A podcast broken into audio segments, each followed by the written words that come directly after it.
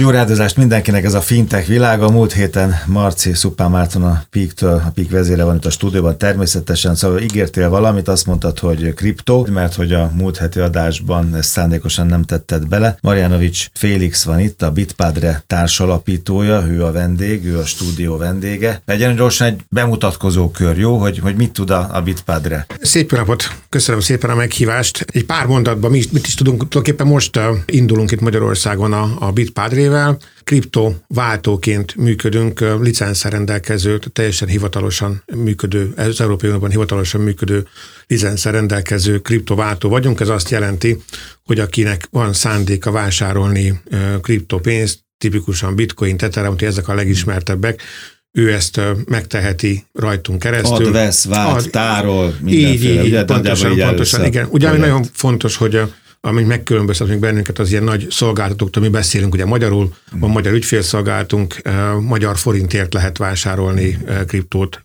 hogyha eladom a kriptót, akkor is magyar forintot kapok, tehát nem kell még eh, küzdeni külön a... Igen, mert Marci pont ezt mondta a múlt héten, hogy, hogy vajon a, a magyar ügyfél mondjuk az, az, az hogyan gondolkozik, amikor a kriptó elkezdi foglalkoztatni. Ugye például azt mondtad, hogy, hogy nem biztos, hogy azt a saját bankjánál szeretné, ha egyáltalán a bank foglalkozna vele, ott intézni. Lehet, hogy ez külön, külön zseb, vagy külön rekesz az agyban, nem tudom. Igen, én fordítva fogalmaztam meg, és nem a, nem a szőrszálhasokat esnyit, hanem pont azért, mert másik rekesz. Tehát a, a gondolatsod végére viszont nagyon is rá tudok csatlakozni. Azt gondolom, hogy az embereknek a fejében még egy nagyon másik tároló a kriptó, és nem, nem az kifejezetten nem akarják a banki úton, nem eszükbe, eszükbe, eszükbe sem jut, igen, hogy, hogy ezt, ezt, ezt ott intézzék. És hát viszonylag sok nagyon sok, rengeteg nemzetközi ilyen kriptováltó szolgáltató van. Az nyilván egy kérdés, hogy amikor megjelenik egy magyar, ő miben, miben tud többet. A nemzetköziektől egyrészt, nemzetköziekhez képest egyrészt, másrészt meg a belföldi vetélytársakhoz képest, de Félix felvezetőjében mind a kettő benne volt. Nyilván fontos, és egy kicsit a mai adást arra is szántam, hogy megértsük azt Félix segítségével és tudásával, hogy, hogy itt az elmúlt hetek botrányai után mennyire lehetünk biztosak akár egy induló kriptováltónak a szolgáltatásaiban, hol van a kockázat, ugye itt ez kriptováltóról beszélünk, Egyébként a beborult két török versenyző, azok nem kriptováltók, hanem kriptotősdék voltak, az egy teljesen másik kategória, hogy hogy kapcsolódik ez a kettő egymáshoz, hol van igazán a, a kockázat. Egyébként az is egy érdekes kérdés, hogy egy tőzsde miért tud lelépni ügyfélpénzzel, mert hogy elvileg egy tőzsde... milliárddal, azt hiszem, hogy Azt hiszem, hogy az egyik kettő milliárddal, és, és a másik lehet, hogy még egyszer, hát, még, egy, még, egy, még egy kettessel, igen. Amúgy ez is megérne egy külön, külön beszélgetést, hogy ez egy milyen hullámra ült föl a török kripto pík itt az elején, vagy az idei év elején, ugye a, a török lira leértékelődött közel 20%-kal, és az emberek elkezdték kimenetelni. a pénzüket. És, és, és ez, a, ez, ez a legborzasztóbb dolog, amikor nyilván minden, minden esetben egy csalás az egy szörnyű dolog, de amikor, amikor egy társadalomnak a, a kanosszajárását használják ki, az, az még erre rátesz egy lapáttal, de ma nem is erről ne. Akarunk beszélni. Szóval ilyen érdekes kérdések ezek, és, és, és eddig foglalkoztunk kriptó tekintetében, főleg blockchain tekintetében sok mindennel, de ilyen, ilyen elemeiben nem néztük ezt meg. Jó, hogy... Félix, hol tart ez az egész dolog most? Mert annak idején a Marcival csak egy mondat leszek. Én rácsodálkoztam az első automatára itthon, aztán rácsodálkoztam talán Pozsonyban, aztán Tátra Lomnész, amikor láttam ilyen kriptoautomatákat, és úgy jöttek a hírek, jöttek a folyamatok, aztán jöttek ezek a píkek, ahogy az előbb mondta a Marci, Hol tart most Magyarországon ez az egész kriptobuli?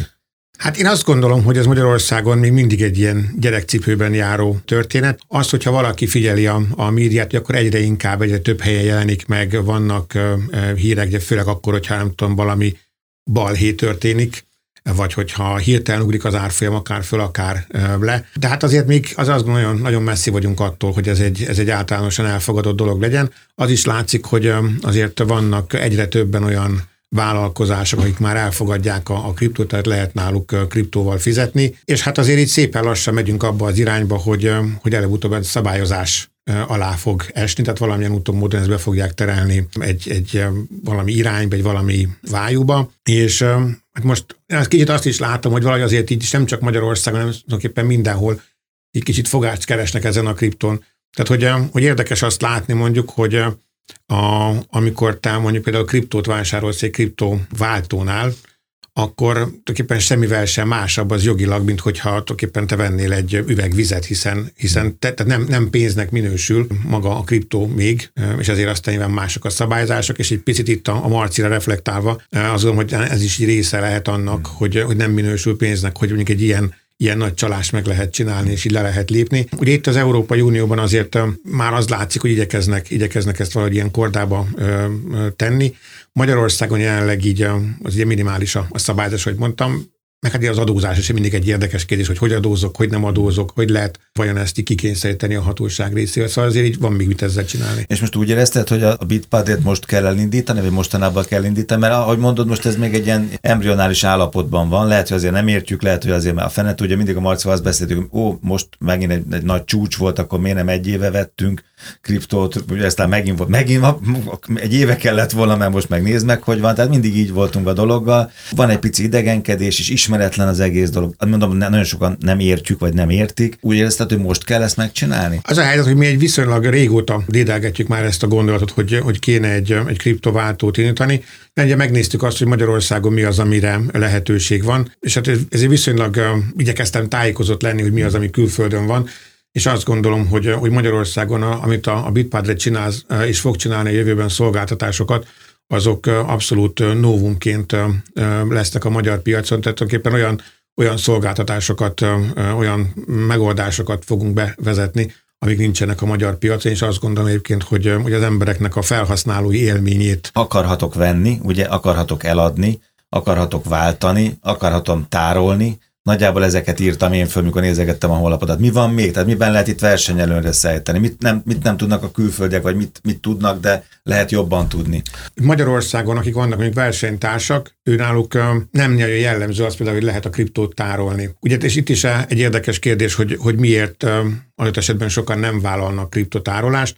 Ugye itt van egy Egyfelől nekünk erre van licenszünk, van engedélyünk, hogy kriptót tárolhatunk, tehát úgynevezett ilyen pénztárca szolgáltatást nyújthatunk. Ha most itt a a kicsit kevésbé tájékozottaknak szeretnék kérni egy analógiával, ez majdnem ugyanaz, mint hogyha van egy bankszámla számon valahol, ugyanúgy néz ki mondjuk egy ilyen pénztárca ö, szolgáltatás is. Tehát tulajdonképpen nálunk az emberek tárolhatnak kriptót, és ez mitől érdekes? Attól érdekes, hogy tudunk adni egy olyan biztonságot a kriptotároláshoz, mert ugye az, ez Azért arról is lehet olvasni, hogy különböző helyeken nemféle hackerek betörtek, elloptak kriptó pénzeket. Nálunk ennek a, a lehetősége azt gondolom, hogy, hogy nagyon minimális. Ilyen, ilyen informatikai háttérrel rendelkező emberként, informatikai biztonsággal foglalkozó emberként nem mondhatom azt, hogy nulla, mert mm. járnánk volt egy definíció, hogy mikor nulla.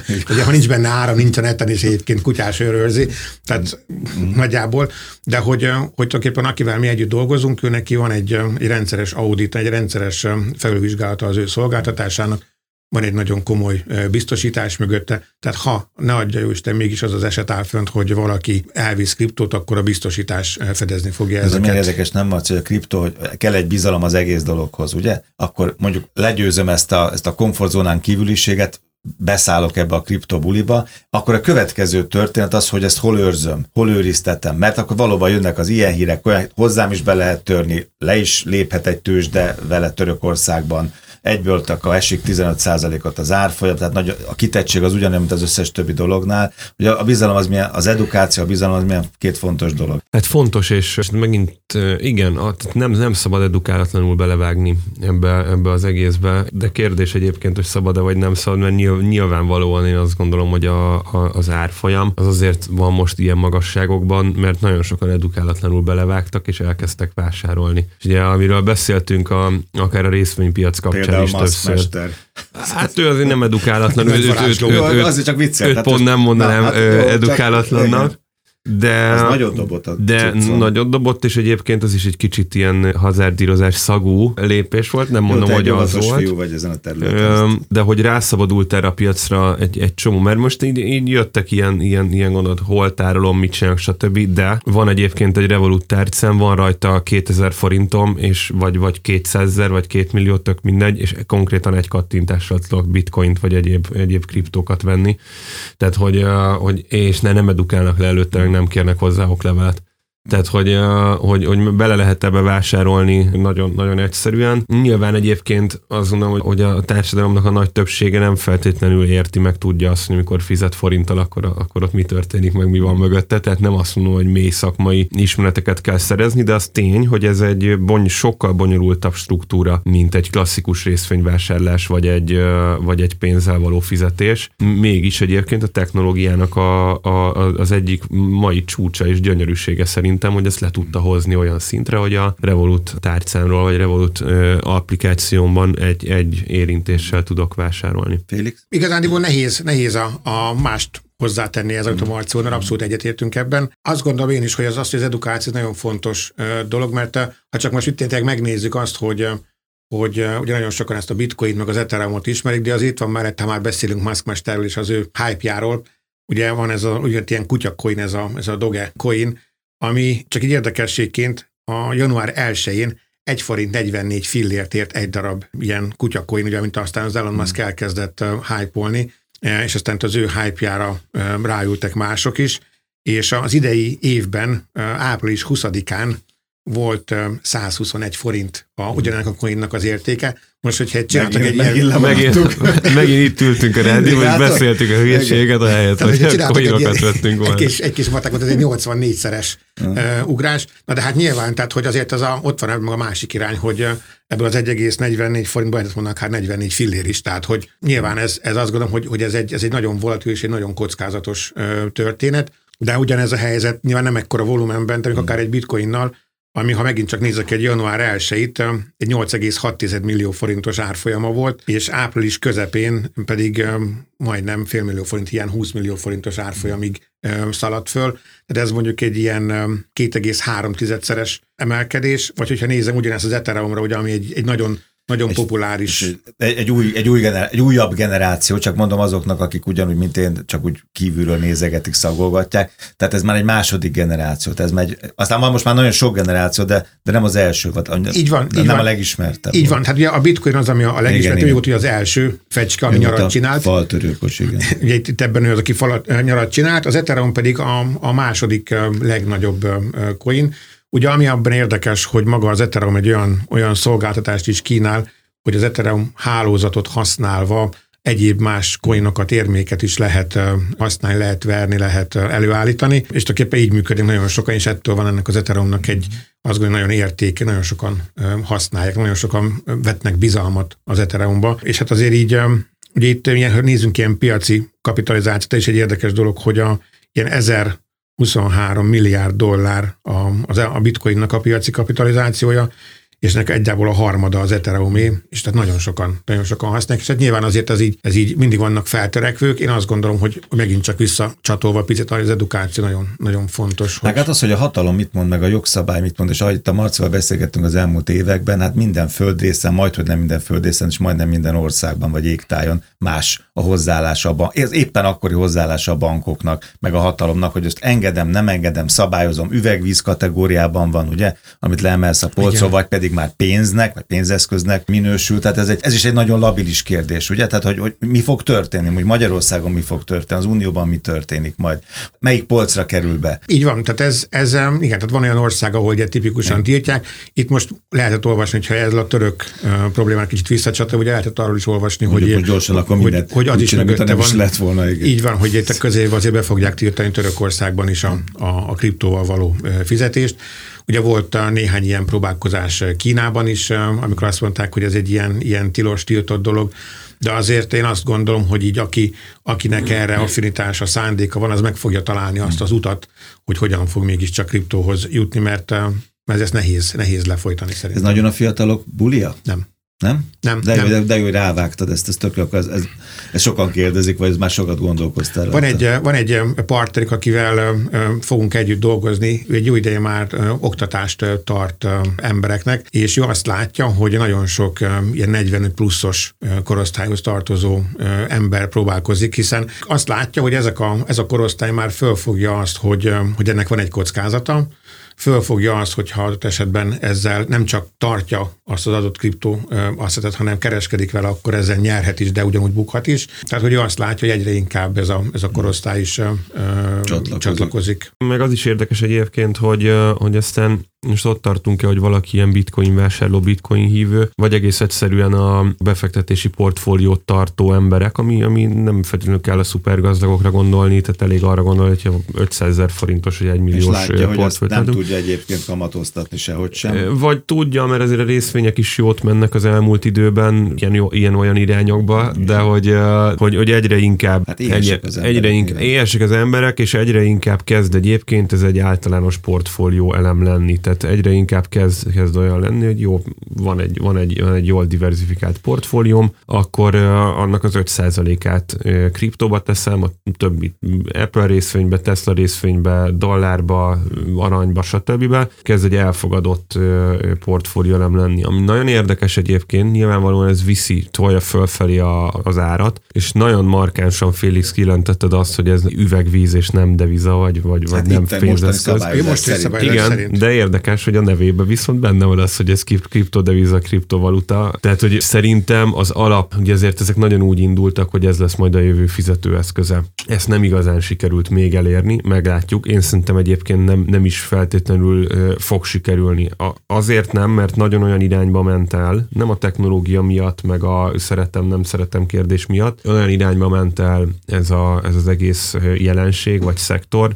hogy befektetési eszközként tekintenek, értékmegőrző eszközként tekintenek erre. Egy befektetési értékmegőrző eszköz meg mindig volatilis lesz, és gondolom, hogy volatilis eszköz meg nehéz, nagyon nehéz fizetőeszközként használni. Gondoljunk csak a török helyzetre, ahol 20%-ot leértékelődött a török líra, és az emberek elkezdtek inkább ilyet, ilyet vásárolni, vagy egyébként bármi más. Szóval egy érdekes kérdés az, hogy be, ki lenne olyan ember, aki azt meri mondani ma, bő tíz évvel a bitcoin elindulása után, vagy megszületése után, hogy ő bitcoinban kéri a fizetését, de nem úgy, hogy 300 ezer forintnyi fizetést kér havonta bitcoinban, hanem hogy ő 0,16 darab bitcoint kér havonta fizetésnek. Akkor is, ha az egy dollárt ér, meg akkor is, hogyha 100 ezret, és akkor lesz ez fizetőeszköz. Kérdés, hogy kell-e annak lennie, egyébként nem vagyok benne biztos, de akkor lesz ez fizetőeszköz, hogyha nem valami másban mérjük, hanem ez lesz az alap, vagy ez is egy alapmérőszám lesz. Itt szerintem még még hát nem tartunk. Nagy történelmi előnye van a pénznek azért. Tehát, igen. Tehát azért, azért ne felejtsük el. Igen. Az egy évtizeddel szemben. Félix, van még két-három percünk. Csak az azt gondolt, hogy hozzátenni, hogy azért, hogy megint csak trendekről, hogyha beszélünk, hogy van azért egyre több olyan bank is, aki, aki elkezdett ilyen kriptó alapokat létrehozni. Ugye az egyik ilyen a JP Morgan, aki, hogyha picit az ember visszanéz, hogy mi történt egy két-három évvel ezelőtt, a JP Morgan első embere, hát konkrétan fikázta, temette mm. a, a, a kriptót, és most pedig fél éven belül kriptoalapot fognak inteni. Hát, hogy nyilván azt gondolom, ez is Ez a fintekekkel is így volt, tehát igen, és ugyanaz a, az a párhuzam, aki él, igen. Így van. És azért az, hogy, az, hogy mire, mire használják az emberek a kriptókat, itt pont most olvastam nem olyan régen, hogy van a Amerikában, aki a, a, a futballligában játékos, hogy elkezdett például kriptóban kérte a fizetést, tehát ők bitcoinban fognak fizetni. Vagy mire lehet használni még ezt a kriptót? Most nem olyan régen indult el, és az is egy marha jó, marha jót ment, és nagy haszonnal szállt ki belőle, aki, aki az elején belerakta, és most kiszállt. Ugye biztosan mindenki ismeri ezt a BitTorrentet, amikor azzal letöltünk, és csináltak hozzá egy tokent, hogyha te BitTorrent tokennel fizetsz, akkor itt nagyobb sávszélességet vagy több szálon keresztül tölthetsz le. Tehát nyilván van, akinek ez megint csak megéri befektetni ebbe és pörgetni ezen. Tehát hát ez az összes most... árukapcsolás nagyon fontos, az biztos egyébként, igen. Így. Tehát, az, a, tehát amit a Marci mond, az erre, erre hajaz. Ez egy férfias cucc? Még csak ez sem feltétlenül, ez sem, uh-huh. ez sem feltétlenül lehet mondani. Azt látom, hogy nekünk, a, a, akik vannak regisztrált tagjaink, nagyságrendileg egy ilyen 35-40 százalék a hölgy. Az nagyon ígéretes akkor, de ők, ők már értik. Szerinted akkor legyen egy utolsó kérdés, hogy egy évtized múlva hova jut el ez a dolog?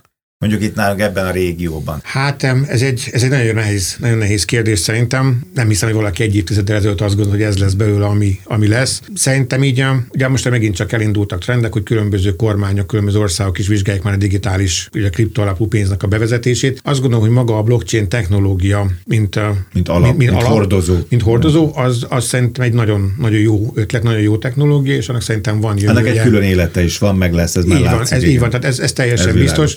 Hogy aztán melyik, melyik kriptokoin, vagy hogy lesz, hát erre hmm. szerintem nagyon-nagyon nehéz fogadást. Mert kötni. akkor abból vettem volna most mindenképpen, de akkor így ezt, ezt még hagyjuk a következő adásra. Nagyon szépen köszönöm. Marjanovics Félix, a Bitparát társalapítója, és Szupán Márton Pik. Jövő héten találkozunk az érdekességek, az információk a fintech.hu.